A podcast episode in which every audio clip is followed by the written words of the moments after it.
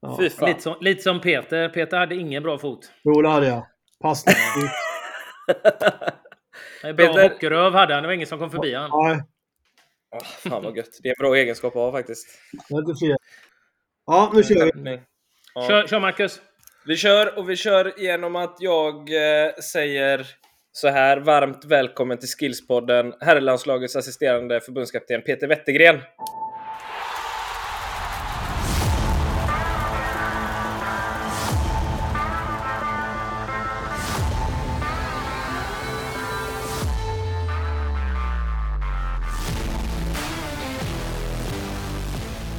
Tack så mycket. Välkommen! Är Tackar. det, för, är det för mycket att säga Anders kompis eller? För kompisar är ni inte eller? Jo. Det Är ni det? Men för mig absolut. Ja, Absolut. Anders. Ja, jag skulle inte sträcka mig så långt. jo då. Vi har, vi har jobbat eh, väldigt mycket ihop, men vi har ju även träffats vid sidan av. ja. Framförallt sen när jag har slutat spela också. Så kan vi säga absolut att vi är bra kompisar. Ja, ja, verkligen. Jag har ju lärt mig jättemycket av Anders. Är det så? Nu, va, nu ljuger du ju. Det ser jag nu. Nu, ser jag att du... Nej, det är så här som tränare så ska man ta, jag brukar ta efter de bästa spelarna jag jobbat med har lärt mig ganska mycket utifrån mitt tränarperspektiv. För de har lösningar som inte jag har. Och det är jävligt Mm. viktigt att ta med sig. Och det har Anders lärt mig jättemycket. Framförallt hur man jobbar med pass bakom pressande spelare och sådär liksom. Och, och vilka ytor man vill åt och sådär. Ja, det kan vara ärligt att säga. Mm. Mm. Ja, och jag, har ju, jag ska ju inte vara sämre, jag har ju lärt mig väldigt mycket av Peter. Jag har alltid pratat väldigt gott om Peter som tränare. Som, trots att han har spelat på begränsad nivå eh, så har han en, en spelförståelse som eh, få eh, tränare har och är också väldigt duktig på att, på att lära ut och också förklara för andra. Liksom. Det har varit väldigt många intressanta diskussioner och Peter har satt mig på plats flera gånger och fått mig att tänka ett varv till, vilket jag har uppskattat. Ja, det vad skönt att höra. Ja, då kör vi. Sätta dig på plats Anders, det, det känns rätt.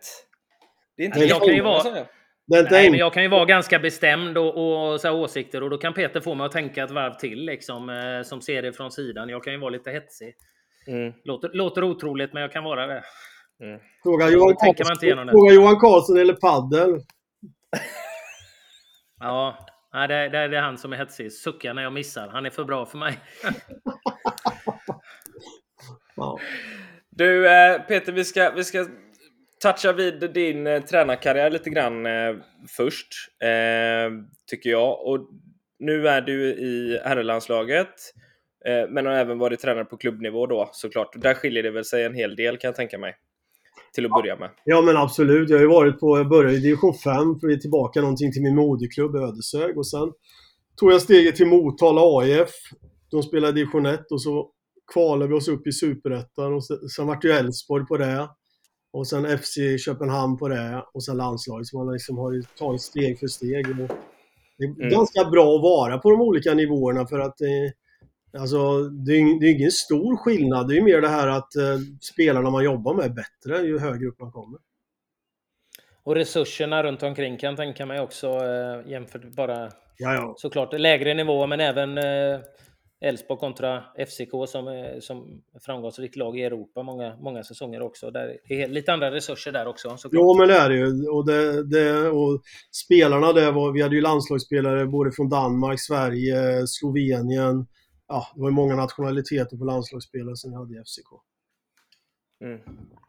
Vad, om vi, vi börjar med den eh, jämförelsen, för om vi tar Elfsborg och FCK då och nu egentligen så är det ju rätt stora ekonomiska skillnader. Men vad var den största skillnaden tycker du när du kom till FCK kontra Elfsborg så att säga? Både träning, alltså träningsmängd, kultur, alla de här sakerna inom klubben. Ja, men det är klart att vi hade lite mer resurser. Sen, sen var den stora skillnaden var egentligen kraven. Det, det var ju krav. Det, det, det är ju krav i Elfsborg också, men det var ju... När jag kom till FCK och hade skrivit på så vet jag Ståhle sa till mig så här vinner vi inte ligan i år så kommer vi få sparken både du och jag. Och det var ju någonting som jag inte var van vid. Samtidigt gillar jag det någonstans för att jag är ju inte där för att liksom springa och glassa eller någonting utan jag var ju där för att för jag ville någonting liksom. För att ta nästa steg i min karriär som tränare. Men det är ju samma sak som spelare. Om man, om man, to, om man är i Sverige till exempel så har man Ja, de to toppklubbarna i Sverige är säkert samma krav om du spelar i Malmö eller AIK eller ja, de har också säkert det här att du ska vinna ligan varje år. Men det, det var givet i Köpenhamn liksom. Och det var ju inte mm. samma sak i Elfsborg. Det var ju att vi hade ju som mål att komma topp fyra där, men det var ju inte att vinna varje år. Det var inte den kraven. Ja, just det. Och vad, vi, vi, hur var det med träningsmängd och, och de där bitarna? Och hur man tränade? Nej men alltså träningen i sig tyckte jag inte var... Vi, vi tränade ungefär lika mycket i Elfsborg som vi gjorde i Köpenhamn. Den, den, stora skillnaden var ju intensiteten. Det var ju mm. en jäkla intensitet på träningarna i FCK. Eh, under, hela, under hela träningen så att säga. Det fanns inte... I, i Sverige kunde jag uppleva då när jag var i Elfsborg att eh, det var intensitet när man väl gjorde. Däremellan var det lite lugnare. Det var lite högre tempo i allt det vi gjorde i Köpenhamn. Eh, eh, för det har vi ju hört från ganska många som både tränare men även spelare som spelat eh, mm. utomlands. Mm. Vad tror du det beror på? Naturligtvis beror det på kvaliteten på spelarna. Ju bättre spelare du har, desto högre intensitet blir det. Men några har ju också kommenterat och nuddat på att vi i Sverige kanske är rädda för överbelastning, att man drar ner intensitet, vi gärna drar ner intensiteten. Är det en kombination eller vad, vad tror du är anledningen till att det blir högre intensitet i Danmark? Ja, men eh, i den här vevan jag gick till, till Köpenhamn så var det också en liten sån här modegrej i Sverige att vi skulle jobba med periodisering och jag vart ju, jag vart ju liksom livrädd när jag hörde det ordet. Vi ligger efter rent tekniskt att ska vi träna också mindre än vad andra lag gör och vi var jätterädda. Det var väl någon, någon sån här förhejen metodik som kom in i svensk fotboll, att vi skulle periodisera och vi skulle vara frä, jobba med fresh, freshness och allt det här. Och jag har varit livrädd när jag hörde det och det ligger så långt ifrån mig för att jag tror ju mycket på att eh, för att bli en duktig fotbollsspelare så är det en process genom hela livet, liksom att träna mycket och med, gärna med olika idrotter. Eh, så att eh, för mig handlar det om, ska du bli bra i någonting så måste du träna. Du kan inte vila dig till någonting för att bli bra. Eh, och jag tänker på det som, eh, var det Anton Saletro som sa det Marcus, där att mm. han jämförde ju när han, när han kom till Belgien och så jämförde han med norska spelare som kom till Belgien. Mm. Han tyckte ju att rent tekniskt så låg eh, han och andra svenska spelare längre fram än de norska spelarna, rent individuellt tekniskt, men att de var vana vid hög, en högre intensitet och eh, ett högre tempo fys fysik i, i Norge, vilket gjorde att de klarade sig bättre. Medan vi individuellt tekniskt var bättre, svenskarna, men det var för låg intensitet i Sverige så att de klarade inte av att använda växla den tekniken, växla upp och göra det i Belgien. Medan norska spelarna var vana vid ett högre, en högre intensitet och klarade därför av att lösa situationer på ett bättre sätt trots sämre teknik. Förstår du vad jag är ute efter? Eller? Ja, men jag håller helt med dig liksom. Och jag har ju rest jättemycket ut i Europa och, och tittat både på eh, juniorfotboll och, och, och seniorfotboll och upplever ju liksom att det du inte kan åka dit på kan jag tycka i Sverige det är att vi måste ju orka rent fysiskt sett och utföra det vi ska göra i 90 minuter. Och ska du ut i Europa så spelar man ju normalt sett om man vill komma till de bästa ligorna tre matcher i veckan. Och här, här måste vi upp i Sverige. Vi, vi kan inte liksom vi kan inte skylla på att vi, vi spelar sönder våra trupper. Jag menar, eh, de bästa lagen, de bästa spelarna spelar tre matcher i veckan och det måste vi också klara. Mm. Och är det någonting är det ju... som liksom... Ja, kör du Marcus. Nej, men är det, just, är det just matcherna som måste upp, tycker du? Antalet ja, men, ja, men det här går hand i hand menar jag. Och det, jag vet, eh, om man tittar på en träning, om du jobbar med, alltså om man, om man ska säga vilka är det som blir bra fotbollsspelare så du får ju så mycket med dig. Om du har en hög intensitet på träningen, då får du jobba med alla de här förutsättningarna som krävs för att bli en duktig fotbollsspelare. Liksom, både med orientering, beslutsfattning, tekniskt utförande och mental uthållighet. Det är mina fyra huvudrubriker för att man ska bli en bra spelare. Har du en hög intensitet i träningen så får du träna på alla de här ganska naturligt. Och det gör ju också att du kan ta med dig dem in i match. Sen är det ju en process på många år. Det är inget, ingen quick fix-grej som du kan träna ett år och sen tror att du blir jävla bra fotbollsspelare. Utan det här är ju liksom någonting som ska vara med dig under en lång, lång tid. Men eh, jag var, den, den häftigaste upplevelsen jag såg, det var bara för några år sedan. Jag var nere och hälsade på Ludde i Sevilla och skulle titta på deras träning. Och innan de kom upp, ut så tränade deras juniorlag en plan bredvid, så jag ställde mig och tittade på dem. Då jobbade det ena laget med att eh, jobba med en hög press, alltså förhindra speluppbyggnad. Eh, helplanspress, medan det andra laget skulle jobba med speluppbyggnad. Eh, och det var sån fruktansvärd intensitet i den träningen. Och jag tänkte det, vilken underbar miljö att få träna i. För de fick ju träna på alla de här sakerna som du sätts inför inför en match. Det var liksom mm. snabba beslut, orientering, beslutsfattning, tekniskt utförande. Och det, det, såg, det såg ruggigt ut alltså. Jag tänkte liksom, tänk att ha de här träningarna dag ut och dag in. Ja, det är inte mm. lustigt att man blir bra fotbollsspelare då. Men, eh, men, så de tränar inte uppspel eh, och speluppbyggnad mot noll motståndare då som, eh, som vi gjorde i Elfsborg några gånger? Kanske inte under dig, men... Ja. Nej, det gjorde de inte. De, in bra... ja, grejen, är, grejen är ju så här att men det ena utesluter ju inte det andra. Det kan ju vara så här att du vill jobba med någon form av taktiskt utförande i en match där du vill åt en viss yta.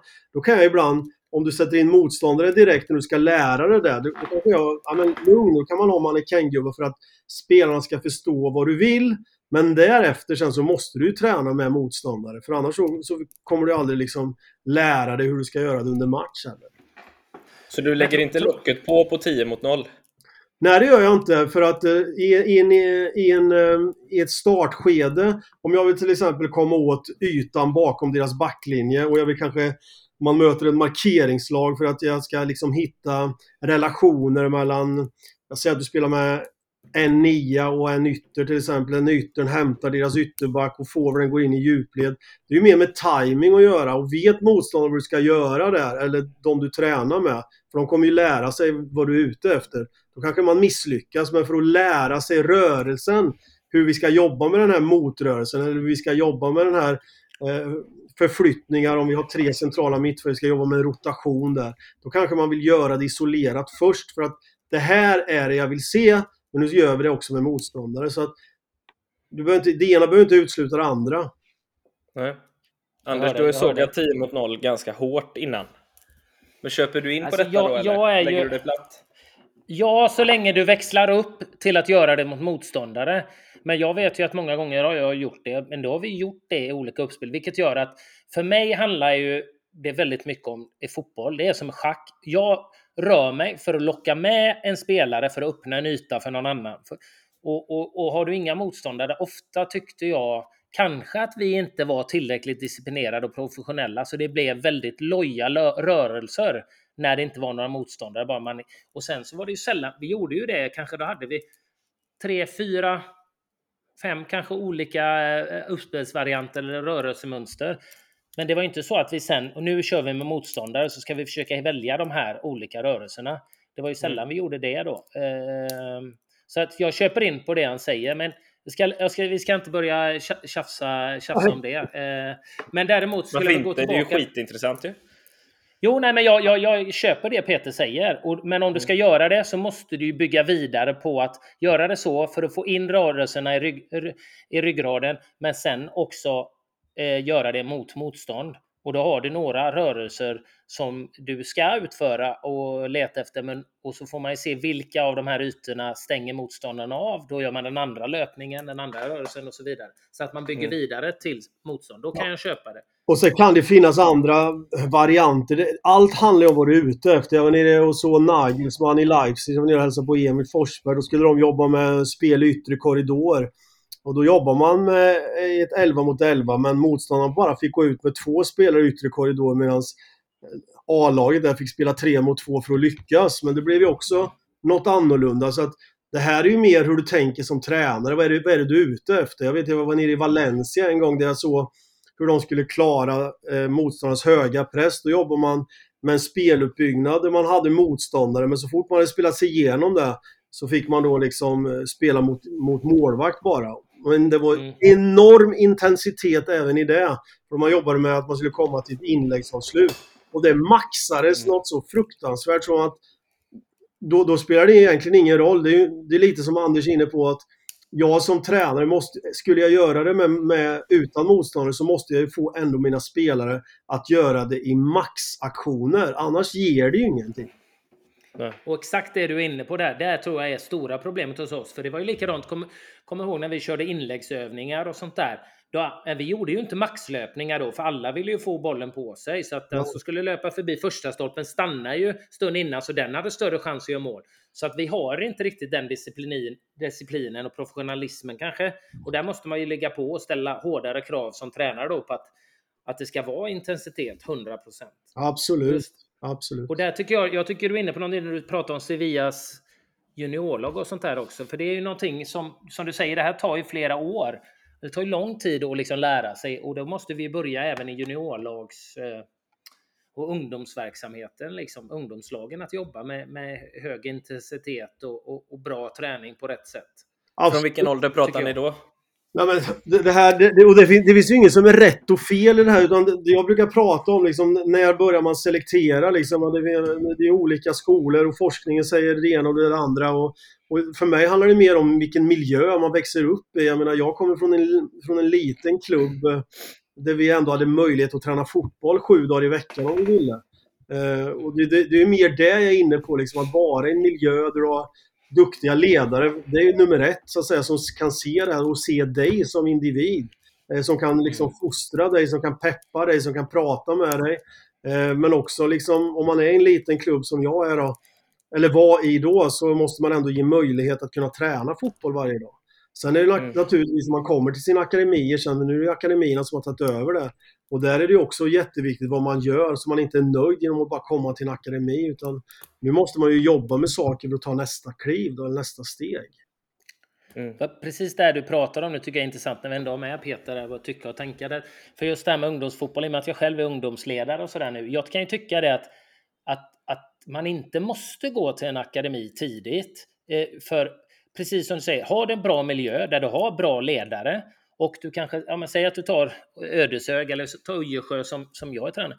Finns det 10-12 spelare i den, i den åldern som är ganska duktiga, som spelar varenda ledig stund borta på fotbollsplan, så det blir sju gånger i veckan, och driver varandra, så kan ju den miljön funka väldigt bra. Absolut. För det finns har, har, har, har, du en, två spelare som är ett lag plus att ledarna har ingen utbildning, kunskap alls. Ja, då kanske jag kan köpa mer att man eh, rör sig mot, eh, mot en akademi då. Eh, men sen har du ju det här problemet många klubbar som jag har märkt nu eh, när, vi, när vi har klivit upp här nu eh, som, som irriterar mig. Mm. Det är att väldigt, väldigt många ungdomsledare jobbar inte med utbildning och utveckling, utan man jobbar med att vinna matcher i 11-12 års ålder och, och kan säga att vi har hamnat där och där i tabellen. Så vi möter lag som sparkar undan bollen i, liksom, spar och skriker sparka bollen så långt ni kan.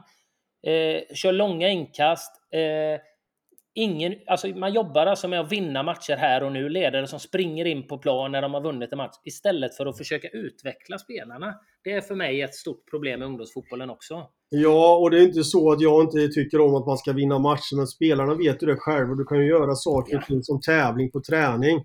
Och spelarna är ganska medvetna om man har vunnit och man, man, man har förlorat. Och det är väl också någonting det här liksom att det är ju inte nu de ska vara bra när de är 12 år, utan det är ju förhoppningsvis att de är duktiga sen när de blir 20 år eller vidare. Och där är också, också, också hur du gör som tränare. Du kan ju göra en miljö där det blir mycket tävling. För jag tycker ändå liksom att man ska lära barnen att kunna vinna och förlora. Liksom, för det är någonting som ingår i utbildningen också. Att, eh, Absolut. Men, det, det, det, det jag menar är... Kan göra på träning utan att man behöver räkna ett seriesystem. Mm. Exakt. Nej, nej, jag håller med dig helt. Men jag tycker, barn, som du säger, barnen vet ju exakt om de har vunnit eller förlorat. Men just ledarna som jobbar med 12-åringar för att typ spelförstöra, liksom för att vinna matcher. Har de en som ligger eh, fysiskt eh, två, tre år längre fram liksom, så ska vi banka upp bollar på den istället för att lära dem att göra rätt saker. Det har, ja, men har du det här, ja, men har du här gamla klassiska saker. Jag har ju stött på spelare som har varit ganska fysiskt väl utvecklade i unga år och sprungit förbi en motståndares backlinje för att de är så mycket snabbare. Och som har gjort mängder med mål. Och sen när den här spelaren kommer upp i junioråldern, när alla andra spelare har vuxit i kapp, då kommer han eller hon få första motgången för att då, då har man inte en teknik som är tillräckligt bra. Då kan man inte leva på den här snabbheten längre. Och det kan ju vara mer förstörande då istället för att lära dem i unga år. Hur ska jag agera liksom? Hur ska jag utnyttja min snabbhet? Inte bara genom att springa fram och göra mål utan kanske jobba felvänd och, och så vidare. Det går ju, är ni med på vad jag menar?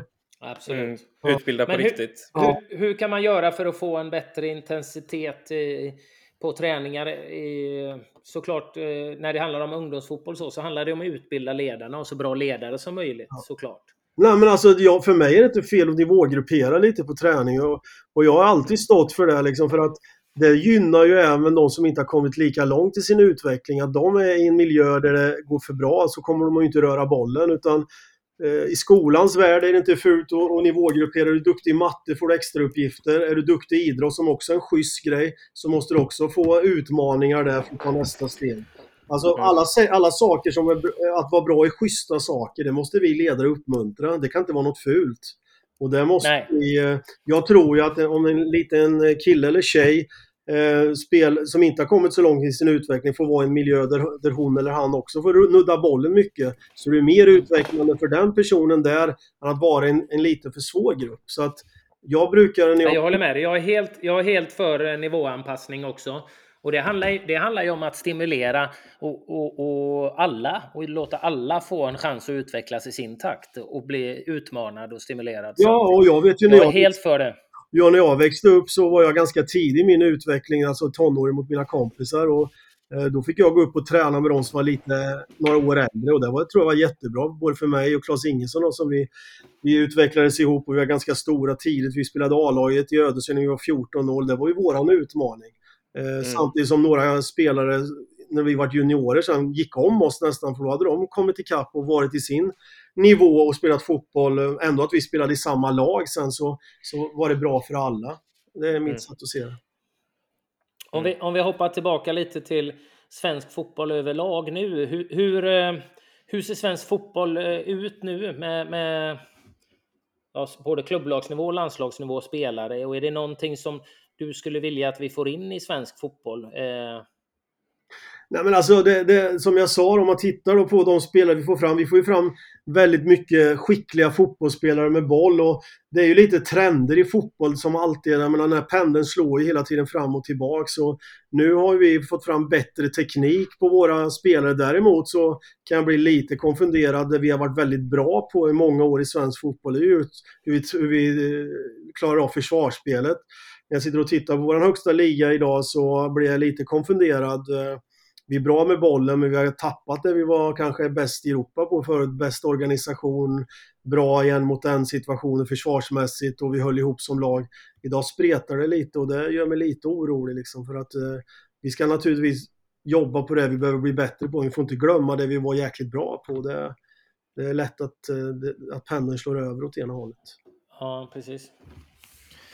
Eh, om, vi, om vi går tillbaka till, till ditt eh, tränarskap lite och då kanske det är främst eh, på klubblagsnivå eh, nu då. Men, men hur såg liksom din fokusfördelning ut på, på lagträning kontra individuell träning?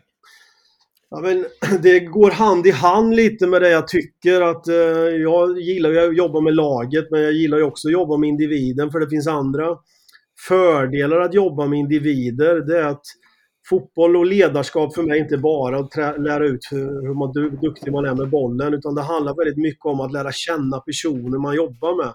Att bygga relationer. Jag tror relationer kanske är det viktigaste för, för mitt sätt i mitt ledarskap. Om jag, om jag når den här personen och lär känna den här personen så vet den här personen att jag har goda avsikter med det jag vill. Eh, den personen känner sig trygg med mig. Eh, och just när det gäller individuell träning så kan man jobba väldigt mycket med att bygga den relationen. Men man kan prata om annat än fotboll. För det kan vara så att man har jobbet i skolan, man har jobbet med sin tjej, man har jobbet hemma eller vad det än är. Så kan man vara en extra vuxen där och stötta i och hjälpa till. Jag tror mm. att det finns en helhet om man vill bli bra i någon idrott. Så gäller det att man mår bra som person också. För mig är det jätteviktigt och jag i Elfsborg och även i FCK så jobbar jag mycket med individuell träning med enskilda spelare. Och i Elfsborg mm. jobbar vi ju så för att hjälpa de unga spelarna att ta klivet från junior till senior.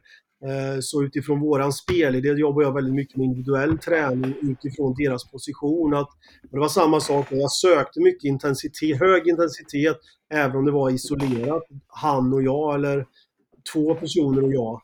Där liksom vi kunde bygga en övning med till exempel en yttermittfältare och en forward. Där man liksom hittade övningar hur man skulle agera utifrån Elfsborgs sätt att spela fotboll.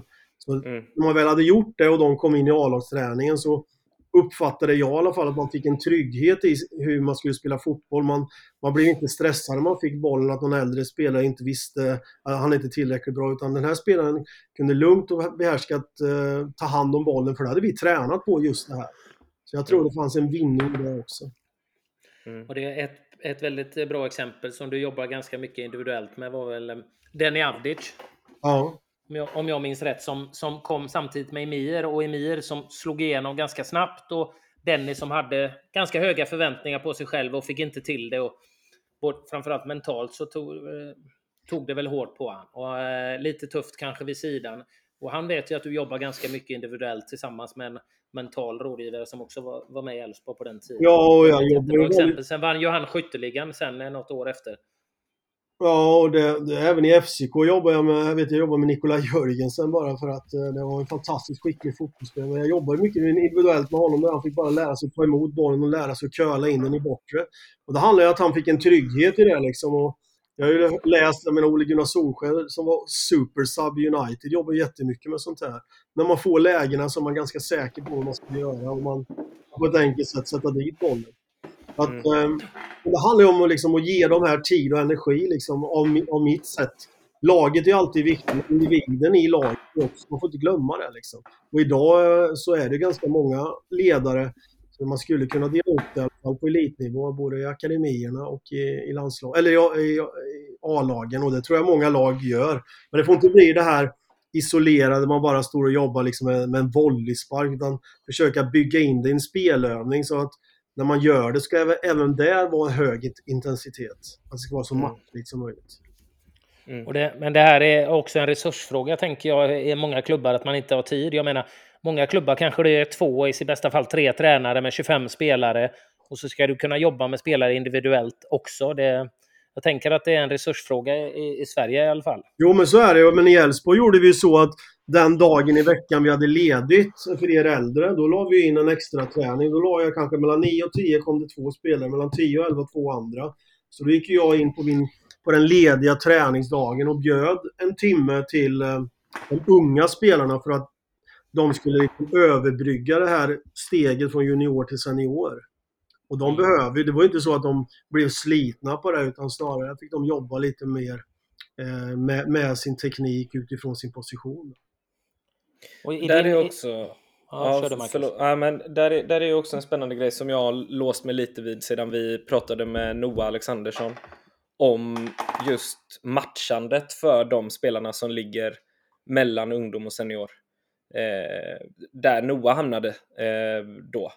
Han, han hävdade då att den här U21-serien som han fick spela i när han inte riktigt kunde slå sig in i Blåvitts eh, seniortrupp. Där fick han ju möta liksom spelare som kanske kom tillbaka från skador, eh, som inte gick för fullt. Det blev liksom inte matchtempo på det sättet, utan det blev mer som en träningsserie. Eh, och, och han tycker själv, det lät på honom som att han tyckte att han blev drabbad av att han inte fick det matchandet och den matchutbildningen och matchtempot som han behövde för sin utveckling. Nej men där, där har vi väl en nöt att knäcka i svensk fotboll. Just det här om du inte spelar i A-laget, var ska du spela då? Och där, mm. jag, jag har ingen bra lösning på det, men U21-serierna i år, eller nu, just nu, jag tyckte den ändå var ganska bra i början. Har ju tappat lite av det och eh, det är väldigt Vissa matcher kan de komma med ett halvt A-lag och vissa matcher ett rent juniorlag. Så att det där är någonting vi, vi måste se över och jag kan inte idag på rak arm säga vad, vad som är bäst för svensk fotboll. Nej, jag, jag gillar ju idén där eh, både Holland och Spanien och, och jag vet inte om Tyskland gör det, men de har ju sina sina andra lag i divisionsspel. Alltså Barça B lirar väl fortfarande i Segunda till exempel. Jag höll väl på att vinna Segunda för några år sedan men fick inte gå upp för att de inte fick ha två lag i, i, i Primera och så vidare. Och jag vet att vissa svenska lag gör ju så idag. AIK startar väl om i division 6 eller någonting sånt där va? Ja. Med ett andra lag. För att kunna spela...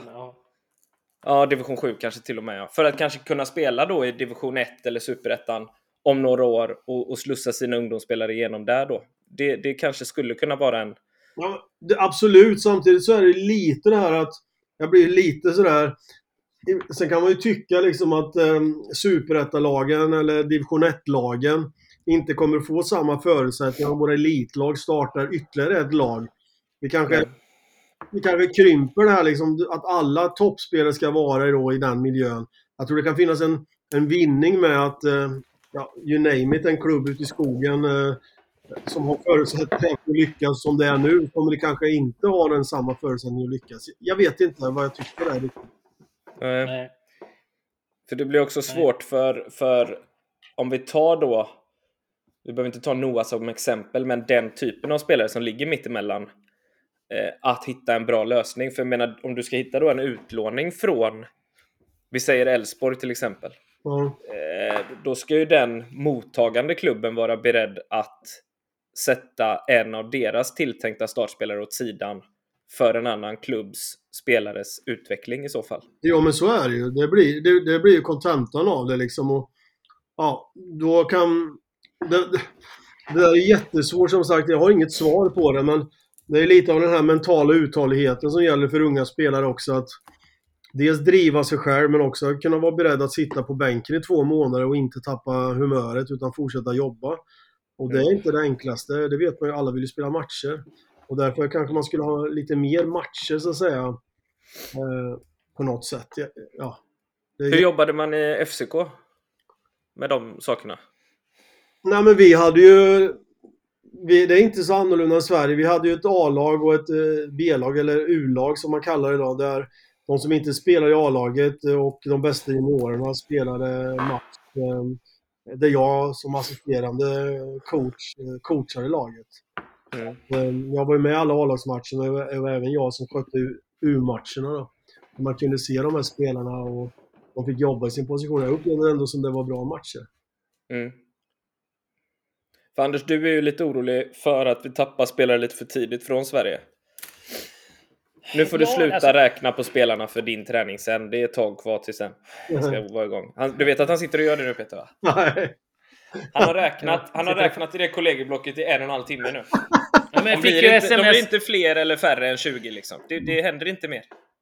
Jo, det, jag fick ju precis ett avhopp från våran bästa striker här, eh, H- våran Håland. Han är halvnorsk. Eh, han har ont i tån så att eh, han får träna i övermorgon istället. Det bara rörde till det lite. Jag tänkte, köra, sen tänkte köra Peters favoritövning, tysken här. Ja, Och Filip, han är ju en av de som klarar den bra. på en touch. Ja, Mm. så att, eh, Tysken, försvårar var det, den du, var det den du ritade när du var förbi centret Peter? Ja, den tog jag, Med från, korset? ja, den tog jag från tyska landslaget när jag var scout för dem. Då såg jag de jobbade med ett tillslag och en jäkla rörelse. Det, det spelar gåva. Bra. Mm. Ja, men den är ju väldigt bra den övningen. Eh, Vi kanske kan lägga upp den någonstans, Marcus. Det är en jättebra övning Mm. just för att det här pass appreciation, att Mm. anpassa hårdheten på passningen till vad spe nästa spelare ska göra och sen spela och så ta en ny position direkt. Hela tiden att och göra spela det. understöd. För att göra den Mm. spelbar. Exakt. Mm. En väldigt bra övning. Eh, men eh, nu, nu glömde jag, var var vi? Jo, or, nej, men jag är orolig. Nej, men jag, jag gillar ju inte det här. Jag vet att det är en väldig stress hos ungdomar nu. Man lämnar väldigt tidigt. Får man en chans, liksom, blir man 20 så är, får man ju panik om man inte har fått två erbjudanden utomlands. Och, så blir det lite så här tudelad. Är det stressen då hos unga spelare? För man ser väldigt många som går iväg och sen så många av dem kommer tillbaka med stukat självförtroende dessutom och kanske inte ens alls kommer tillbaka i den form de har. Men eh, och sen är det oroväckande spelare som väljer belgiska andra ligan istället för att spela kvar i allsvenskan, spela ett halvår i allsvenskan som 19-åringar. Men, och då blir jag så här orolig. Tycker man att man får bättre utveckling, bättre utbildning i att gå till belgiska andra ligan än att spela i Sverige? Ja, det där ska du fråga de spelarna det rör sig om. Och sen, det finns ju agenter och det finns pengar som styr också det där. Så att, eh, Jo. ja, det där, för mig är det jättesvårt att förstå det. Men där upplever jag ändå att i Danmark kanske, när jag var där i alla fall, att man väntade kanske ytterligare någon, något år innan man tog steget. Eh, varför vet jag inte, men vi hade ju några spelare som ändå var 23-24 och var med i eh, danska landslaget som valde att gå kanske när de var 25, 24-25 år. Det är nog olika det där, men då när jag var där, vi hade ju både ett väldigt bra lag i Danmark där. De var kvar för att miljön i i FCK var, var tillräckligt bra för att de skulle utvecklas. Mm. Ja, och det är ju det man vill. Jag känner ju bara lite, liksom, vill man det som 19-åring, man har spelat en halv säsong i Allsvenskan, så vill man gärna iväg. Man har nästan en stress och en panik. Sen vet jag att det handlar om pengar för klubbarna att, som har en tuff ekonomi. De behöver ja. få dem en möjlighet att sälja 19-åringen för 20 miljoner så kan det rädda hela ekonomin. Så det är också någonting man får ta in såklart. Absolut, absolut. Och, och så säger man, hade du väntat ett år, då kanske jag hade blivit skadad, då kanske jag hade missat min chans. Liksom. Ja, det är så mycket som kan hända. Sen det, ja, det, jo, så är det. Den, den är svår, men jag känner bara, jag, lite så här orolig när spelarna liksom är 19 år och gjort en halv allsvensk säsong och så ska man iväg. Liksom, man ser stressen här. Och skulle liksom se spelare som är, vad såg du nu här i Malmö, så en spännande spelare som jag tycker är fantastiskt duktig, Hugo Larsson här som tackade väl nej till något erbjudande och fortsatte spela och har vuxit ännu mer. Det är en, tycker jag är en väldigt spännande spelare. Jag har inte sett honom jättemycket, men jag såg någon match med honom här och jag bara oj, oj, oj, vilken fin spelare. Ja, det ändå, jag hade med honom på januariturnén och jag har sett honom nu. Jag tycker han tar kliv hela tiden. Och det kommer bli en bra, bra... Han är redan en bra fotbollsspelare, men kommer bli ännu bättre. Ja, men han har ju de här egenskaperna som man älskar. Han vet vad han ska göra av bollen ja. hela tiden. Han ser lösningar, rör sig på ett fint sätt. Och sen ingen, han känns mogen utan att ha träffat honom så känns det liksom just där att samtidigt som han spelar i Malmö som kanske är absolut Sveriges största klubb just nu liksom in en bra period. Han får en bra utbildning, han har bra medspelare och, och får en bra roll. Så att eh, men jag tycker det var kul. Det sänder bra signaler tycker jag för övriga. Ja, men jag har ingen stress. Jag utvecklas fortfarande bra här. Ja, verkligen. Mm. Och en bra, bra tränare, bra ledare som ser honom varje dag också och kan fortsätta mm. utveckla mm. honom. Så att, eh, det är väl den bästa av alla miljöer, att kunna vara i en sån miljö. Både få ja, speltid och, och, bra träningar varje dag. Och så blir han bättre och bättre hela tiden, det ser man ju. Och då ja. tycker jag det sänder ganska starka signaler till andra unga spelare liksom att ta efter. Ja. Sen får ju han spela också. Jo, det, jo, det får han ju. Och det, det, men det har han ju inte alltid fått göra innan. Han är fortfarande väldigt ung såklart. Men han har ju ändå, liksom, som Peter var inne på, varit mentalt stark och accepterat att jag kommer inte starta varje match just nu. Men jag gnuggar på, jag tar mina chanser varje minut jag får ut, utbildning för mig. När det väl kommer och nu är han ju nyckelspelare, liksom en av de bästa i Allsvenskan. Så att, eh, Ja, man behöver, inte ha, man behöver inte ha så jäkla bråttom till allt. Liksom. Du behöver inte vara bråttom för att bli proffs. Du behöver inte ha bråttom varje gång för att komma till A-laget. Jag menar, om du jobbar på tillräckligt länge så kommer den här eh, uthålligheten att, att räcka till. Liksom. Men eh, det finns inget svar på när det är, så att säga. Nej. Du, eh, Peter, har du bråttom eller har vi några minuter kvar? Ja, vi kan ta någon minut till. Eh, för vi, sättet vi jobbar på, vi jobbar ju väldigt mycket med, med, med data eh, nu. Eh, mm. på spelare som vi tränar på centret.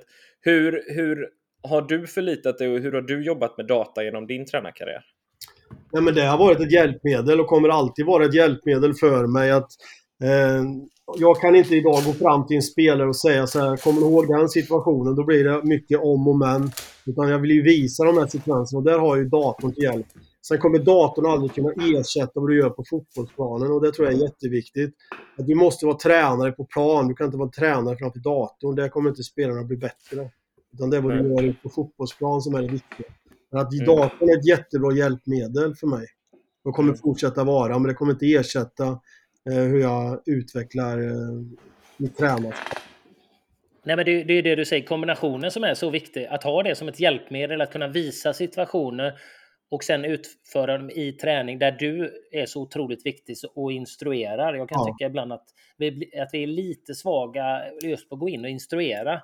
Kanske jag pratar mer om ungdomsfotboll, men även på högre nivå. Gå in och instruera och jobba. Du vet att jag var ganska kritisk till när vi, när, när vi körde rektangel och liknande i Elfsborg, där man nästan gick och förberedde andra övningar och sånt. In och instruera och ställ krav och och, och visa dem. Men ja. det är klart att det är ett fantastiskt hjälpmedel med det här data att kunna visa. För de, som du säger, de kommer inte ihåg dem. Om du pratar om situationer som var så kommer inte de ihåg det. Men ja. om man visar med hjälp av datan och sen går in och instruerar så, så är det det bästa sättet. Och jag vet ju också, liksom, sen gillar jag det här att, och det vet jag jobbar lite med dig Anders, här, liksom, att, att jag ville ha bollen från A till B. Och då kunde inte jag som tränare gå och säga till dig så här att nu gör du så för att du hade andra saker och ta bollen från A till B. Och jag menar, det finns inget som är rätt och fel. Och det tror jag är viktigt för oss ledare. Att jag brukar alltid göra så här, vad har du för alternativ? Brukar jag fråga spelaren. Jag har de här och de här. Ja, men använd dem då. Liksom så att de mm. också får tänka att jag inte ger dem svaren hela tiden. Och jag vet när vi jobbade, du hade, du hade ju lösningar som jag aldrig skulle komma på.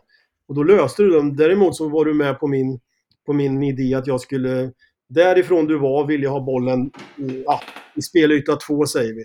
Men lös det Anders, du har de verktygen. Då gjorde du det.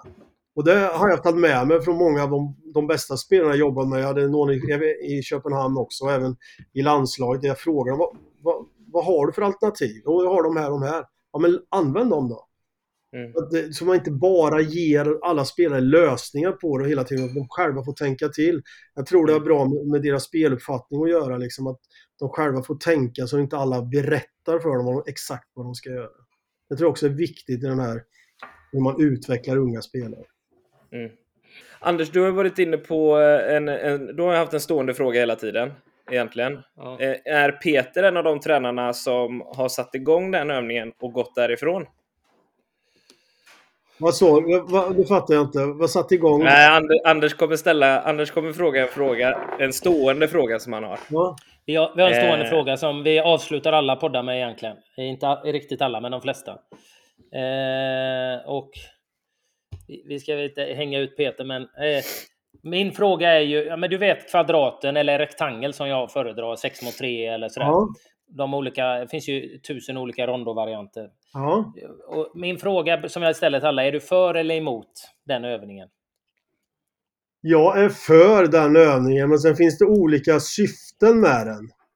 Mm. Det kan vara att dagen efter match så kan man ha den som en social övning bara för att eh, de ska få skratta och ha roligt och bla bla bla. Vi ska ändå bara köra lite cool down.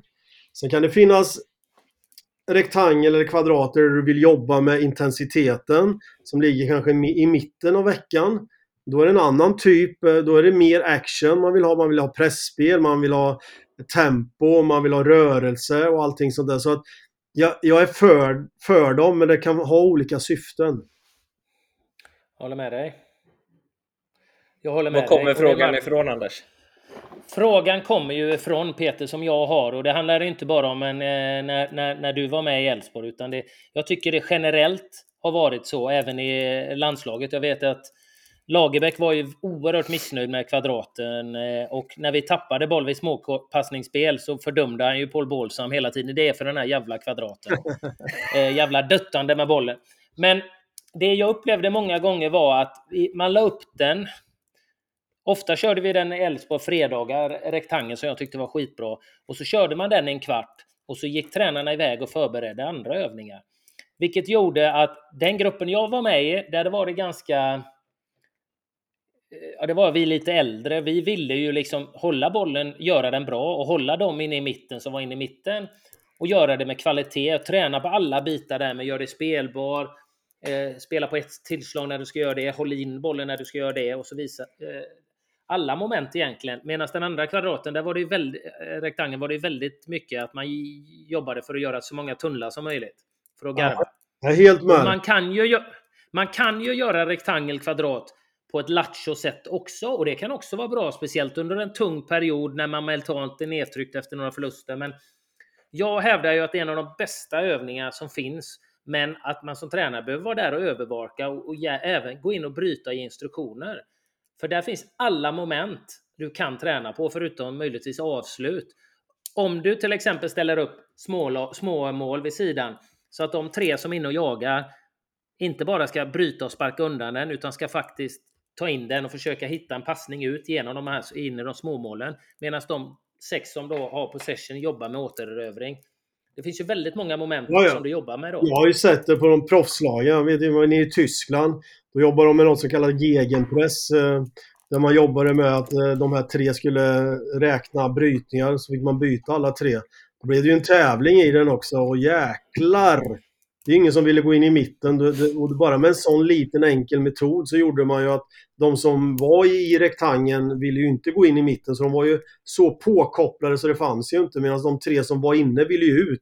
Så de jobbar ju häcken av sig så att säga genom att försöka pressa och vinna bollen så fort som möjligt. Så att det kan man som tränare vara lite smart men eh, jag är med på vad du menar. Ibland sätter man upp en övning för att spelarna ska komma igång och så går man och gör något annat. Och det kan man ju också dela upp om man nu har de resurserna som man eh, har framförallt Exakt. i elitlagen. Att man står och instruerar också framförallt i unga år. det blir mycket touch för spelarna, både för våra unga killar och tjejer. Och det tror jag är jättebra övning att, att få förhålla sig till motståndare och medspelare på en yta. Jag tror det är jättebra. Och jag, mm. du är inne på det där igen. Återigen är det lite av en resursfråga. För är det, som, är det du, till exempel Elfsborg var ju ofta du och Magnus. Mm. Och så skulle allting förberedas. Ni satte upp den och ni skickar in oss där och så kör vi den och så kanske ni börjar förbereda lite för andra övningen. Ja. Det finns ett tudelat. Det finns inte tillräckligt med resurser att vara där i båda rektanglarna och instruera hela tiden och ändå förbereda så att det är ett flyt och inte för stort break till nästa moment i, i träningen. Och sen har du också det där att kan vi inte vara så professionella vi spelare på den högsta nivån i Sverige att ni sätter in oss i en eh, rektangel där vi vet förutsättningarna men ändå inte levererar hög intensitet och allvar. Det, jag ja, tror är en stor skillnad utomlands där det, om du gör det till exempel i Tyskland, ett tyskt eh, topplag och de sätter upp den och inte skulle stå och instruera så skulle det vara ta fan högsta jävla kvalitet och fokus hela tiden. Men i Sverige så, nej, här kan vi lalla lite. Ja. Ja, men det är väl jag tror är ett problem. Kvadraten har väl fått ett litet sånt dåligt rykte. Nu kan vi stå och blaj lite här och bara ha det roligt och snacka lite skit liksom. Och räkna mm. tunnlar och, och sådär. Mm. Så att, ja, jag, jag är med på vad du menar. Om du, om du är inne avslutningsvis, för, hinner jag ställa en sista fråga Peter? Så här, är det någonting som du önskar att alla svenska fotbollsspelare jobbade ännu mer med? Någonting som du tycker, du pratade innan om det här att det går ju i vågor liksom. Vad, men vad är viktigt? För fotbollen går ju snabbare, tuffare, alla är mer, mer, bättre och bättre tränade.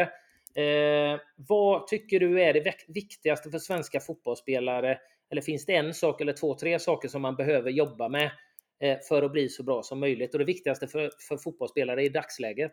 Ja, men det är ju en fråga. Ja, men det är en jättesvår fråga. Men det, det, det, det, är ju, jag kommer ju tillbaka till det här mer och mer. Jag tror ju på det här med intensitet, att göra saker och ting i maxaktioner.